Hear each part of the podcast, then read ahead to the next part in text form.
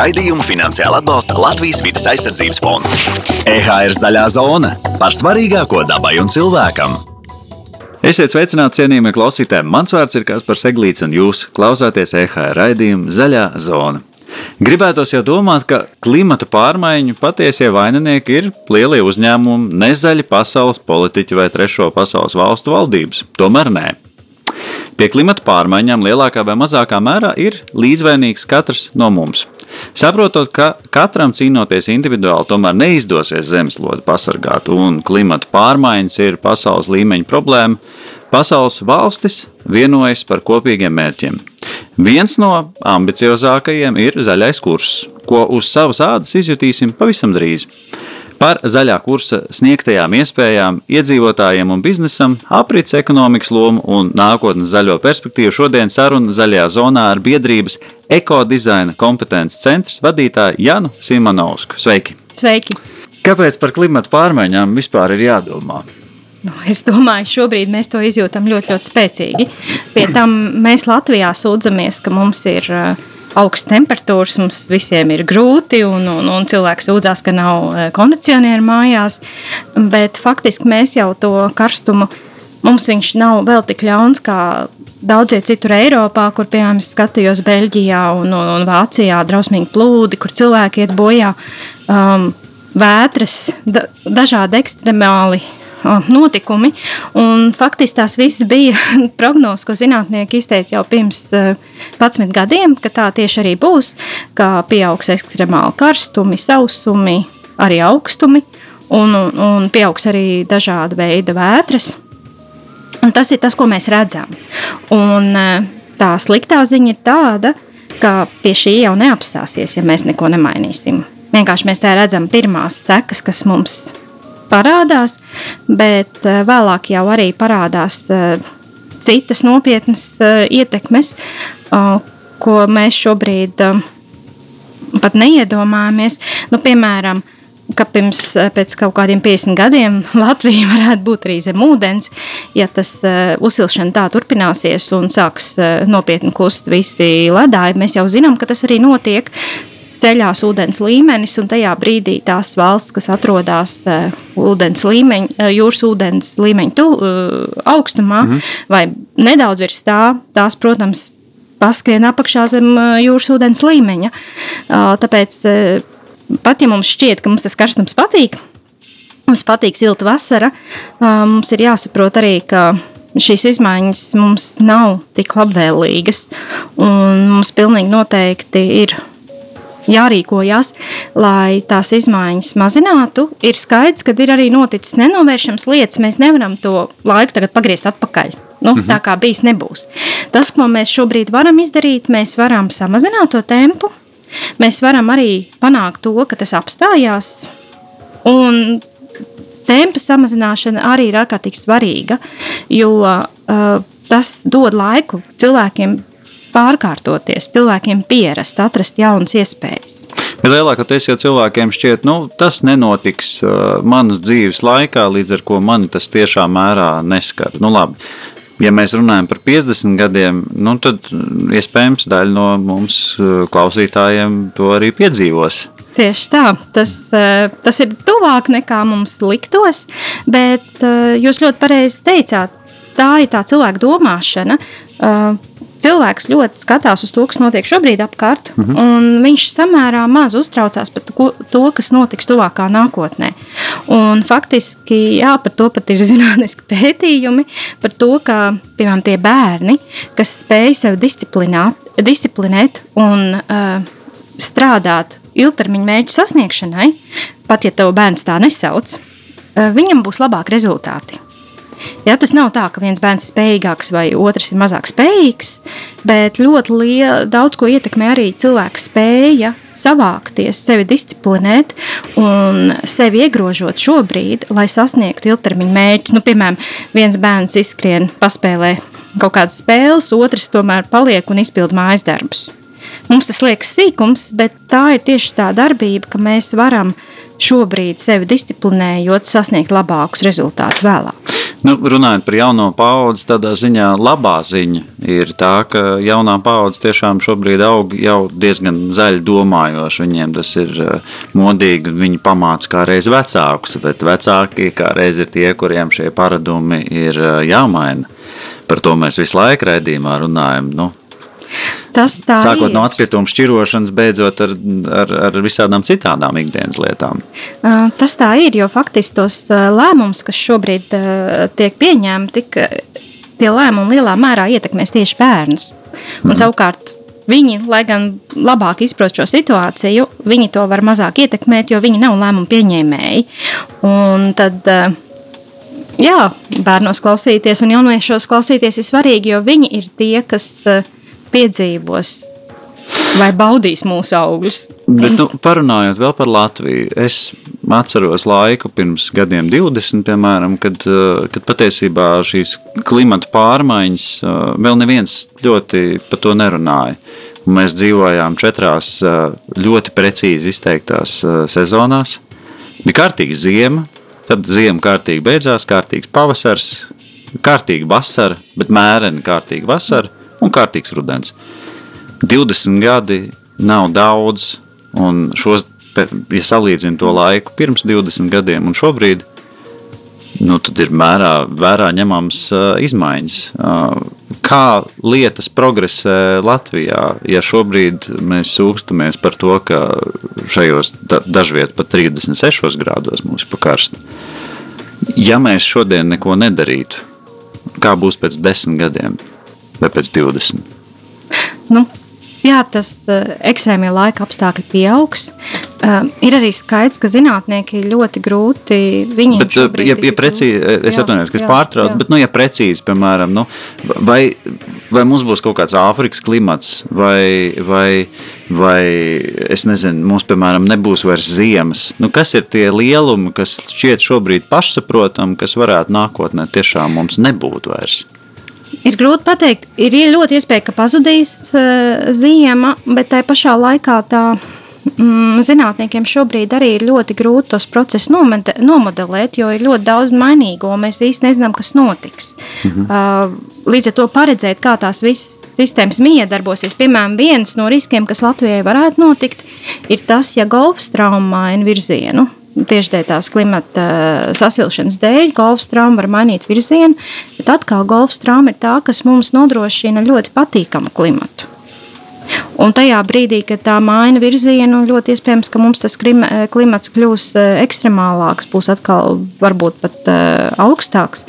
Bet nu, atkal tas, ko, ta- tas, kas ir tā pamat problēma, mēs šobrīd esam pielāgojušies pie tā klimata, kas mums ir šobrīd. Tādas ļoti nopietnas izmaiņas nozīmē ļoti liels ieguldījums, lai mēs pārkārtotos, lai mēs saprastu, kā dzīvot uh, jaunajā klimatā. Un tas jau nav tikai personīgajā telpā. Mēs runājam arī par uzņēmēju darbību. Mēs runājam Protams. par praktiski pilnīgi absolūti visu, kas mums šobrīd ir apkārt. Protams, un otrs, mēs, mēs, protams, gribam domāt, ka mēs esam atrauti no pasaules, vai ne? Bet mēs neesam atrauti no pārējās pasaules. Un uh, tajā brīdī, kad citās pasaules daļās tas uh, klimats uh, būs vēl bargāks nekā pie mums, bargāks, es to domāju, piemēram, sausums, ekstremāls pārtika nevar audzēt. Jau šobrīd mēs skatāmies, ka ir cilvēks traumas, kas vēlās iet prom no saviem reģioniem un meklēt jaunus reģionus.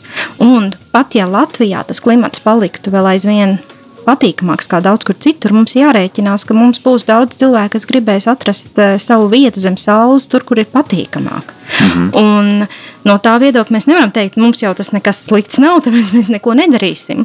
Mēs esam daļa pasaules, un, un, un mums arī latviešiem pilnīgi noteikti ir jāiegulda, jo es domāju, ka tādas ekstremālas pārmaiņas nav izdevīgas eh, arī Latvieš, eh, Latvijai. Kādi ir tie mūsu klimata mērķi tuvākajos, teiksim, piecos, desmit gados, kā Latvijai, kā valstī?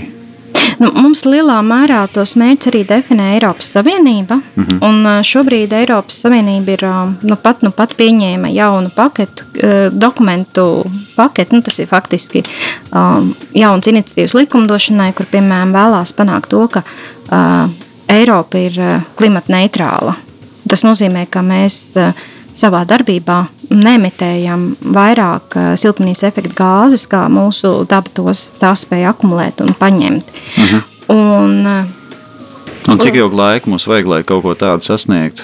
Nu, Eiropa to mērķē šobrīd uz 55. gadu, bet līdz 35. gadam Eiropa grib samazināt ā, CO2 izmešus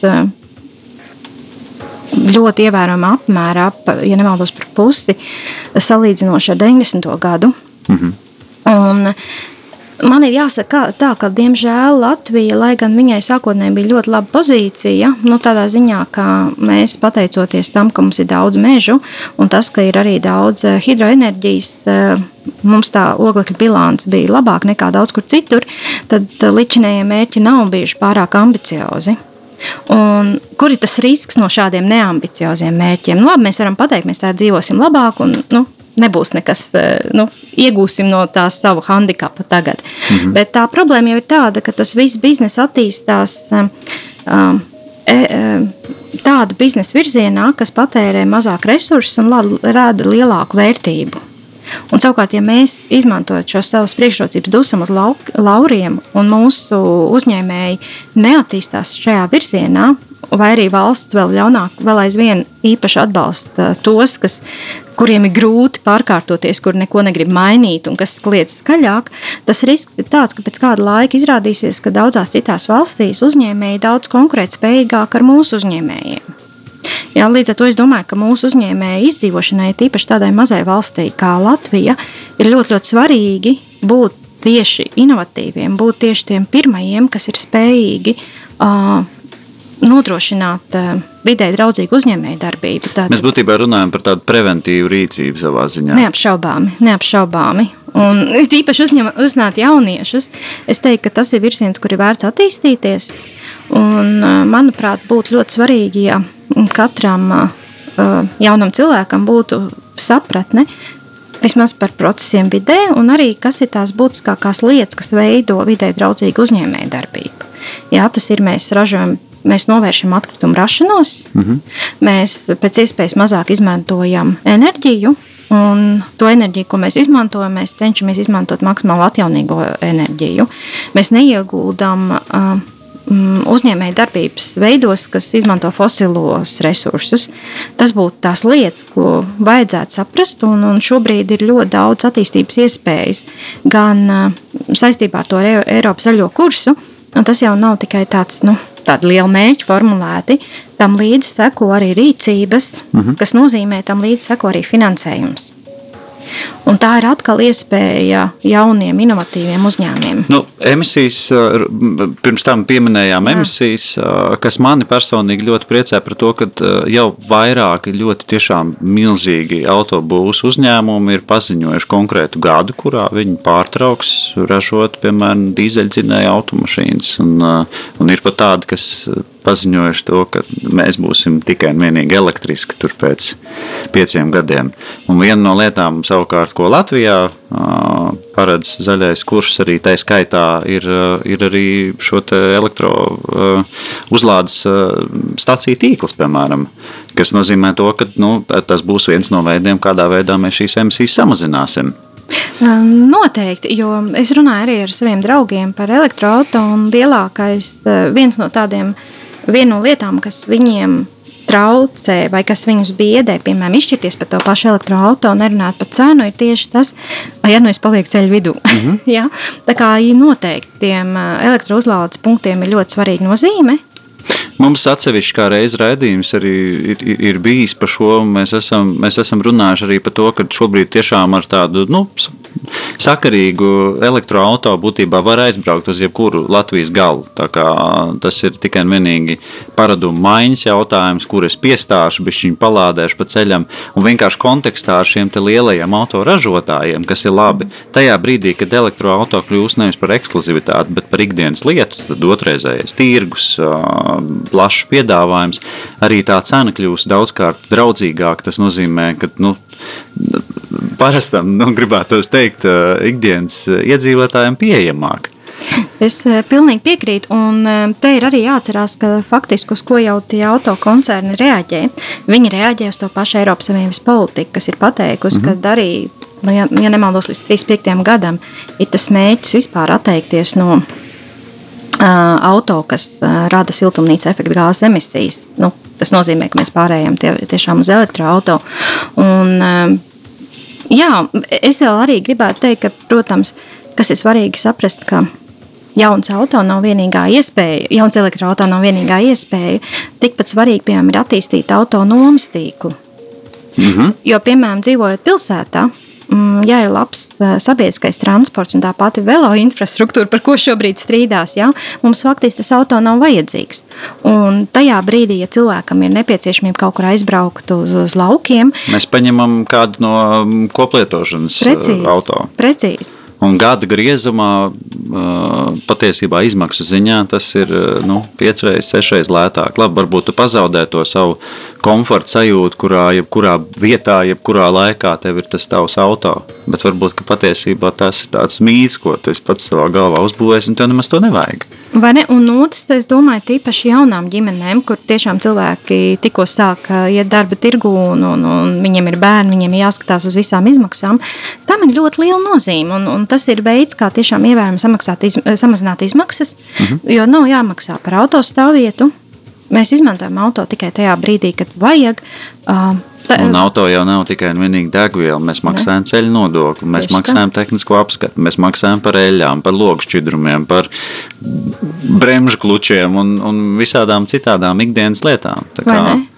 Un te ir viena lieta, ko es ieteiktu tieši skatoties atkal zaļo kursu, ikvienam apgūt, un tas ir uh, produkta dzīves cikla izmaksas. Um, parasti vidas aizsardzībā mēs skatāmies, lai salīdzinātu piesārņojumus visu dzīves ciklu. Mēs nevaram skatīties tikai vienu atrautu posmu. Mums jāstāsta, kā ir ražots šis produkts, kas, eh, kā es viņu lietoju, cik daudz enerģijas patērēju lietojot, kas nonāk atkritumos. Bet arī svarīgi skatīties izmaksas.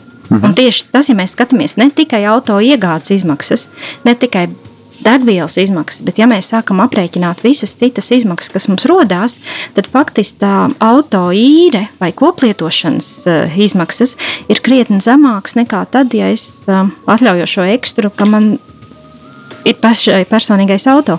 Bet es zinu, jā, tas ir arī galai saka, attieksmes jautājums. Jo ļoti daudziem cilvēkiem tas vienmēr bijis tāds tā kā sapnis. Un, uh, tas nav tikai priekšmets, ko, kas mums ir vajadzīgs, tas ir savā ziņā arī status apliecinājums. Un, man liekas, tas, kas ir ļoti svarīgi, ir arī iemācīties, ka mēs šo savu statusu varam apliecināt ne tikai caur priekšmetiem, tātad precēm un lietām, ka mēs varam arī šo savu statusu apliecināt kaut kā savādāk. Un tā ir arī tā pārēja, kas ir ļoti nozīmīga, ka mēs spējam baudīt dzīvi iztiekot bez nu, tādiem materiāliem status pierādījumiem. Nu, te jau mums vajag to kapitālismu nograut pilnībā. Bet, nu labi, ik pa laikam mēs pieminam dažne dažādos leņķos šo Eiropas zaļo kursu, konkrētu tēmu ietvaros un, un, un tā. Bet, ja mums vajadzētu nu, nodefinēt, tad kas galu galā ir šis kopums, ko mēs saucam par Eiropas zaļo kursu? Um, Es teiktu, tā Eiropas zaļais kurs ir, ja mēs runājam tādā, skatāmies no politikas, politikas viedokļa, tas ir um, politisks uh, plānošanas, politikas plānošanas dokuments, kas pasaka, kurā virzienā mēs gribam strādāt. Un šajā ziņā Eiropa ir formulējusi un pateikusi, ka mēs gribam radīt uh, klimata neitrālu um, Eiropas ekonomiku, uh, tādu, kas nerada atkritumus. Tas nozīmē, ka visu, ko mēs ražojam, mēs spējam pārstrādāt, atkārtot, izmantot. Tā pašā laikā mēs spējam saglabāt kvalitatīvu vidi. Mhm. Mēs varam nodrošināt visiem cilvēkiem labus dzīves apstākļus, arī piemēram ar mājokli. Un mēs arī aizsargājam bioloģisko daudzveidību. Tātad tā ir tie tādi lielie mērķi, ko Eiropa ir formulējusi. Tas ir tas, uz ko mēs tiecamies. Un tad nākošais, kas seko, ir dažādi jau citi plānošanas dokumenti, kur mēs pasakām, kā tieši mēs šos mērķus sasniegsim. Nu, piemēram, tur tā iepriekš mūsu aprunātā jau infrastruktūra un, Jā. un, un vēl viss kaut kas. Un uzdevumi, teiksim, sektoriem, ka mēs gribam, piemēram, pāriet uz to, ka mums nav autotransports, kas izmanto fosilo enerģiju, ka mēs, piemēram, pārējām uz atjaunīgiem enerģijas resursiem. Jā, tie ir veseli rīni norādījumi, kas tieši tagad seko. Ja tā paskatās, kāds ir tas. Nu, kas tā notiek, tad Eiropā visu laiku iznāk kāds jauns plānošanas dokuments, kurš pasaka, mēs darīsim tā. Un tam seko atkal likuma, mm, likuma pārmaiņas, kas nu, mēs zinām par iepakojumu, vai ne? Jā, 3. 3. jūlijas ir tas datums, kurā, kurā salmiņi un, un, un, un, citi vienreiz lietojamie trauki, auskociņi vienkārši piedzīvoja savu skuitāk. Noriet, vai ne? Noriet. Un, un tas ir arī svarīgi, piemēram, tam pašam uzņēmējam sekot līdzi, lai, piemēram, viņš tajā jaunajā ražotnē neieviestu, piemēram, nu, kaut kādus pašus salmiņus, nezinu, nu, Mm. Lai viņš neieviestu tādas lietas, kuras pēc īsa brīža likumdevējs pa, paziņos, ka tādas jāņem ārā. Kā valsts vispār reaģē uz zaļo kursu. Jo skaidrs, ka nu, tajā virsmērķī jau izklausās ļoti labi. Mēs visi staigājam gar tīriem ūdeņiem, un mums nav atkritumu mikroplasmas. Visi brauc ar elektroautorātu. Principā izklausās ārkārtīgi skaisti. Bet uh, uzņēmējiem, uh, politiķiem, likumdevējiem, sabiedrībai, principā visiem tas patiesībā ir sarežģījums. Nu, tev jāpārkārto Jā. sava uzņēmēja darbība, piemēram, nu, nezinu, kaut kas saistīts ar salmiņiem. Tu esi salmiņu ražotājs, to viņus nevar ražot. Tagad tev ir jāpārkārto, jāpērk jauns iekārts, kas ražo kaut kādas, nezinu, bambus salmiņus vai, vai papīra salmiņus vai vēl kaut ko. Um. Jā, tā, un, un tā tieši ir viena no problēmām, jo Eiropas komisija ir pateikusi tos skaistos mērķus. Un tajā brīdī, kad mēs ieraugām, ko tas īsti nozīmē. Un faktiski tas lielā mērā nozīmē, ka daudz kur mēs zaudējam ērtības, jo mēs, protams, esam attīstījušies ērtību virzienā. Salmiņa ir ērtības, vienreizējais iepakojums ir ērtības, vienreizējās lietošanas trauki. Tas viss ir ērtības. Mm. Un, bet šīs ērtības rada vidas problēmas. Bet, teiksim, uzņēmē darbības kontekstā tur ir kaut kāds finansiāls atbalsts, nu, piemēram, ņemam vēl aizvien to pašu piemēru. Tagad es ražoju plastmasas salmiņus. Mans vectēvs to ir darījis, tēvs darījis, mēs te paudzēs ražojam, vārds sakot. Un tagad man ir jāmaina, man ir jāpērk jauns iekārts, kas ir ārkārtīgi liels izmaksas. Vai man kāds palīdzēs, vai man pašam ir jātiek galā? Ir iespējas. Pa lielam, protams, uzņēmējiem arī pašiem jādomā līdzi ar galvu. Tāpēc ir svarīgi, ka viņš skatās nākotnē, lai viņš neveiktu tādas investīcijas, kuras pēc īsa brīža izrādīsies nelabi. Nu, Ne, tāpēc es pieminēju šo tēvu un vectēvu, jo nu, skaidrs, ka tas, iespējams, ka tas ir bizness, kurš ar to ērtībām nodarbojās kopš mm. 90. gada sākuma, piemēram. Nu, Būs daži biznesa veidi, kam vienkārši būs jārēķinās ar to, ka viņiem ir jāpārtrauc tā ražošana. Mm. Protams, uz pārkārtošanos ir pieejams. Ir arī milzīgas naudas paredzētas gan izpētēji, gan investīcijām, gan arī uzņēmēju atbalstam mm, jaunu iekārtu pirkšanai. Bet tas prasa arī sekošanu līdzi, tas prasa arī meklēšanu. Tas nav tik vienkārši, mhm. bet faktiski atbalsts ir. Un tiem, kas ir tādi, nu, kā lai saka, meklējoši, tiem, kas ir inovatori, šobrīd ir iespējas sameklēt. Un otrs arī ir tie jaunie uzņēmēji. Nu, piemēram, ja mēs paskatāmies tādi pagātnē, tādi izcili uzņēmēji, par kuriem mēs no Amerikas ņemam piemēru. Nu, kaut vai tas pats Bills Gates vai, vai, vai, vai Steve's Jobs. Es jau nedomāju, ka viņi sāk ar milzīgām milzīgu valsts atbalstu, vai ne? Tas, ko viņi pamanīja, viņi pamanīja cilvēku vajadzības. Mm -hmm. Un viņi pamanīja pat cilvēku vajadzības tādas, ko cilvēki paši vēl sev nebija definējuši. Nu, šādā ziņā man ir jāsaka, viņi ir bijuši izcili tādi domātāji, ka viņi spēja pamanīt to, kas cilvēkam vispār ir vajadzīgs. Un, un tā ir viņu veiksme. Un es domāju, ja, ja arī citu uzņēmēji, ja viņi pamana to, kas mums trūkst, to, kas mums nepietiek, to, ko tāpat jaunā politika aicina, viņš spēja radīt tādus biznesa veidus, kas ir gan pašam izdevīgi, gan arī ir vajadzīgi cilvēkiem. Un tā ir viena no nelaimēm, jā, ka ir ļoti daudz uzņēmumu, kas it kā negrib mainīties. Un es arī varu saprast, ka tad, kad tu esi sasniedzis tādu zināmu briedumu un dzīves līmeni, Un tu domā, tā es ilgi dzīvošu, neko nedarīšu, jo un tagad viss ir labi. ir viss to 30, 40 gadu laikā izveidotais. Tas, tā ir. ražotnes cikls jānomaina uz kaut ko pilnīgi absolūti citu. Tā ir, bet nu, tāda ir dzīve. Kāpēc vispār šī tēma tieši tagad? Ja mēs tā paskatāmies pēdējos divus, eh, trīs gadus, pēkšņi šī tēma ir vienkārši numur viens gaisā. Protams, ka mums ir spēcīgi līderi, kā jaunāki, tā, tā, tā vecāki, kuri iet un saka, hei, mums ir kaut kas jāmaina. Bet kāpēc tieši tagad? Es domāju, lielā mērā kamēr par klimatu pārmaiņām un klimatu sasilšanu bija tikai prognozes, mm -hmm. vai arī tādas maigas ietekmes, tad tas nebija tik aktuāli. Bet šobrīd tas. Nu, Mēs, no, mēs, mēs, redzam, mēs redzam, ko tas nozīmē. Un Latvijā nē, bet citur cilvēki arī iet bojā. mm -hmm. un, un, un tieši iemeslu pēc, es domāju, cilvēki ir sapratuši, ka tās pārmaiņas ir nenovēršamas politiķi ir sapratuši to, ka pārmaiņas ir nenovēršamas. Un, eh, tāpēc tā tēma ir ļoti, ļoti aktualizējusies. Un es domāju, arī jaunie cilvēki, ja mēs paskatāmies to pašu Grētu Thunbergu, viņiem arī domā par savu nākotni. Jā, pašreizējā situācijā vēl it kā viņai nekas, eh, varētu teikt, nekaiš. Nu, kāpēc viņai vajag sēdēt eh, pie parlamenta un, un, un, un protestēt? Jo šobrīd jau vēl, tad, kad viņi to sāka, tas vēl nebija redzams. Bet tie, kas domā līdzi, lasa sekotai informācijai, viņi pamana tās pārmaiņas. Un tas, es domāju, pieaug arī tas spiediens no tiem, kas vēlās pārmaiņas. Te gan ir jāiezīmē eh, nu, tāds svarīgs moments par to, ka eh, ar to, ka mēs domājam par šo visu, vai ka mēs skatāmies vai vēršam uz to uzmanību, eh, ir diemžēl par maz mums jau katram individuālā līmenī arī ir eh, vairāk vai mazāk jārīkojās. Un, ja mēs kaut vai darām vienu no šīm lietām, tad tas jau ir īstenībā ārkārtīgi daudz. Ja mums klausītājiem vajadzētu ieteikt pāris padomus, kas tad ir tas, kā mēs varam šīs klimata pārmaiņas, nu, kaut vai par miliprocentu, bet kopumā par nozīmīgu procentu samazināt, kas tas būtu? Mm. Nu, es teiktu, tā ir tīpaši, ja mēs skatāmies tādām lietām kā, kā klimata politika.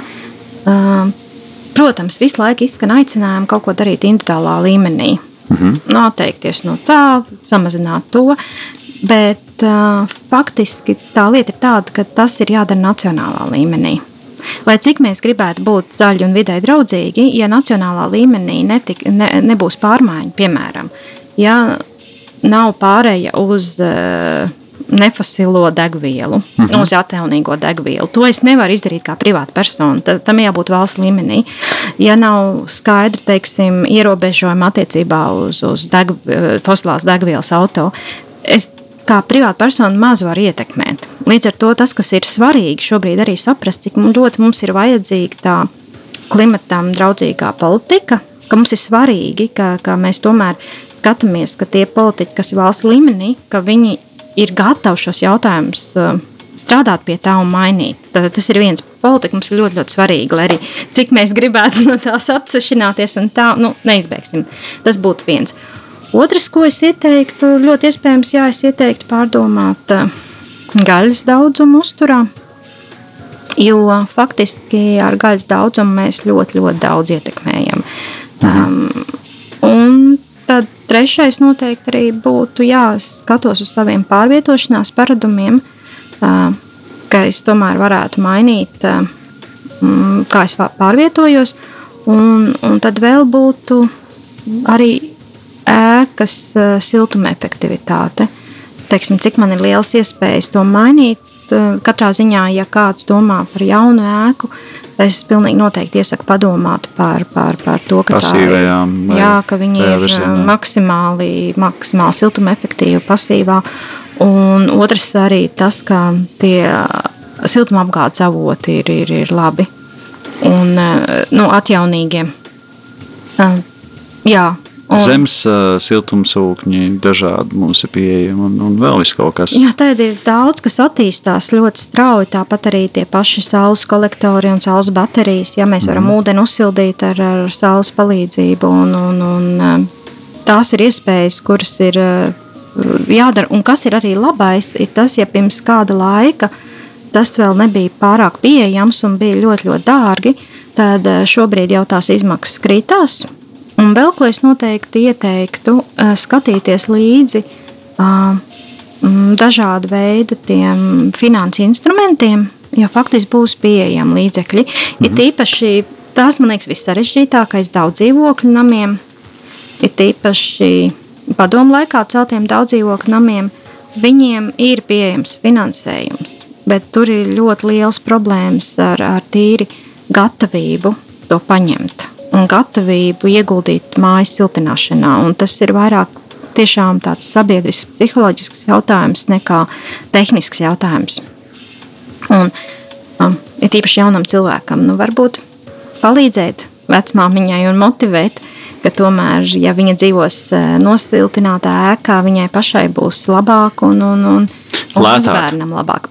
Nu, tas ne, kamēr tas atmaksāsies, uh, Tur jau tieši tā lieta, ka tie cilvēki ir. Jā, bet ilgtermiņā paskatoties, tas ir, tas ir tiešām lētāk. Tāpat tās kā iepriekš minētās pasīvās ēkas, nu, gan šīs ēkas uzbūvēšanas tehnoloģija par to, ka mēs maksimāli izmantojam dienvidu pusi, pieņemsim, un, un, un logi nav uz to pusi, kur ir vēss, un tur tas sienu biezums un viss pārējais.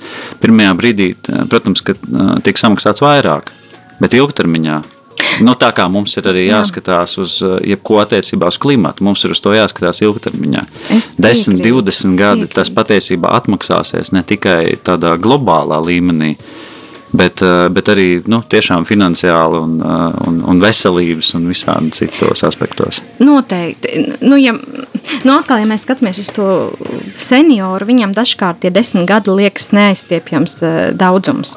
Bet, jā, ja mēs runājam par jaunu ēku būvniecību, pilnīgi noteikti tas izmaksas, ko mums šobrīd prasa kvalitatīva būvniecība, ir krietni zemākas nekā tas ieguvums, ko mēs iegūstam no tā, ka mums tā ēka ir labi nosiltināta, celt no kvalitatīviem materiāliem.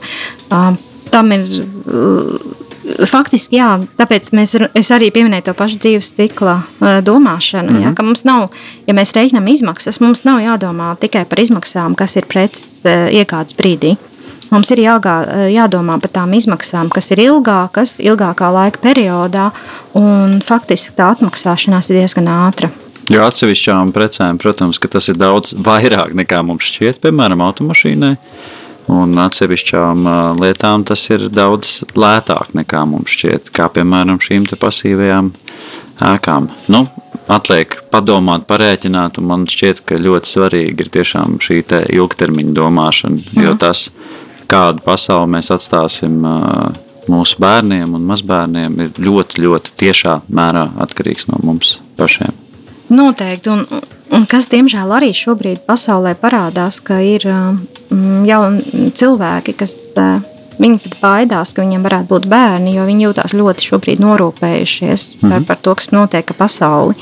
Un es domāju, ka jā, tāpēc ir svarīgi vienkārši nevis pasīvi domāt, ka nu, šausmas, kas notiek, bet es arī varu teikt, uh, faktiski, ja jūs esat aktīvi un ja jūs kopjat savu lauciņu, tas faktiski palīdz arī pret tā saukto to, kā saka, klimata pārmaiņu. Ir pat klimata pārmaiņu stress. Par to aizvien vairāk runā, ka tiešām cilvēki nomākti ar tām mm. klimata pārmaiņām. Bet, ja tu vismaz savā dzīves situācijā jūti, ka tu kaut ko maini, ka tu kaut ko ieguldi, ka tu kaut ko dari, tas patiesībā sakot, ir arī veselīgi. Tas nav tikai veselīgi tai kopējai situācijai, bet tas ir arī veselīgi sev pašam, jo es saprotu, ka es nevis pasīvi vienkārši ļaujos un viss iet uz galu. Jā, bet ko es varu darīt lietas labā? Tieši tā, Gluži tāpat tās kā pa pandēmiju, kā jebkurām īstenībā arī mazām ikdienišķām dzīves situācijām. Nu, es varu sēdēt ar pliku pakaļ te peļķē un raudāt, nu, un es varu arī to nedarīt. Ne? Nu, tā peļķa tur būs, bet kā, varbūt es varu piecelties kājās, un man būs tikai slapjas kājas, varbūt, un pēc tam es arī skāptu ārā. Tāpat tās pa klimatu. Vai ne? Un vēl ko es arī teiktu, es zinu, ka mums ir. Um, ir ir um, Normons Bergs, ik pa brīdim saka, bērniem mācieties fiziku. mm es teiktu plašāk, es, es īstenībā sāktu ar matemātiku. Bet vispār es teiktu, jā, mācieties eksaktās zinātnes, tas ir ļoti, ļoti svarīgi. Faktiski gan abas, gan eksaktās, gan arī sociālās zinātnes ļoti svarīgas, jo to es varu pateikt arī no, es pat esmu inženierzinātņu doktore, un tas, ko es esmu sapratusi, inženieri var izdomāt vislabākos risinājumus bet cilvēki no viņiem var atteikties. Nu, tas paš, pats, ko mēs šobrīd redzam ar vakcināciju, ja zinātnieki ir atklājuši lielisku ieroci cīņā pret covid, un cilvēki atsakās vakcinēties. Mhm. Un tāpēc man liekas, ir ļoti, ļoti svarīgi, ka mēs tomēr um, mācāmies un ka mēs mākam šīs zināšanas pielietot. Un ka mēs arī savā ikdienā vairs neveic, neizdarām tādas lielas kļūdas. Tas gan ir ļoti sarežģīts jautājums, jo nav tā, ka visi, kas atsakās vakcinēties, viņiem ir slikta izglītība. Ļoti daudz cilvēku ar labu izglītību. Tas ir tiešām tāds komplekss jautājums. Bet faktiski tas, ka mēs esam izglītoti, tas, ka mēs mācāmies, tas mums sniedz lielākas iespējas eh, izprast procesu. Tieši tā, un reaģēt uz tiem. Mm -hmm. Un arī atrast risinājumus, saprast, mm -hmm. ko mēs varam darīt eh, savā labā. Nu, ko mācāmies, un lai mums visiem kopā izdodas. Teikšu lielu paldies par sarunu. Klausītājiem atgādināšu, ka šodien pie mums zaļajā zonā ciemos bija biedrības ekodizaina kompetences centra vadītāja Jana Simonovska. Turpinam klausīties zaļo zonu un baudīt brīnišķīgu vasaru. Paldies! Paldies. Raidījumu finansiāli atbalsta Latvijas vidas aizsardzības fonds.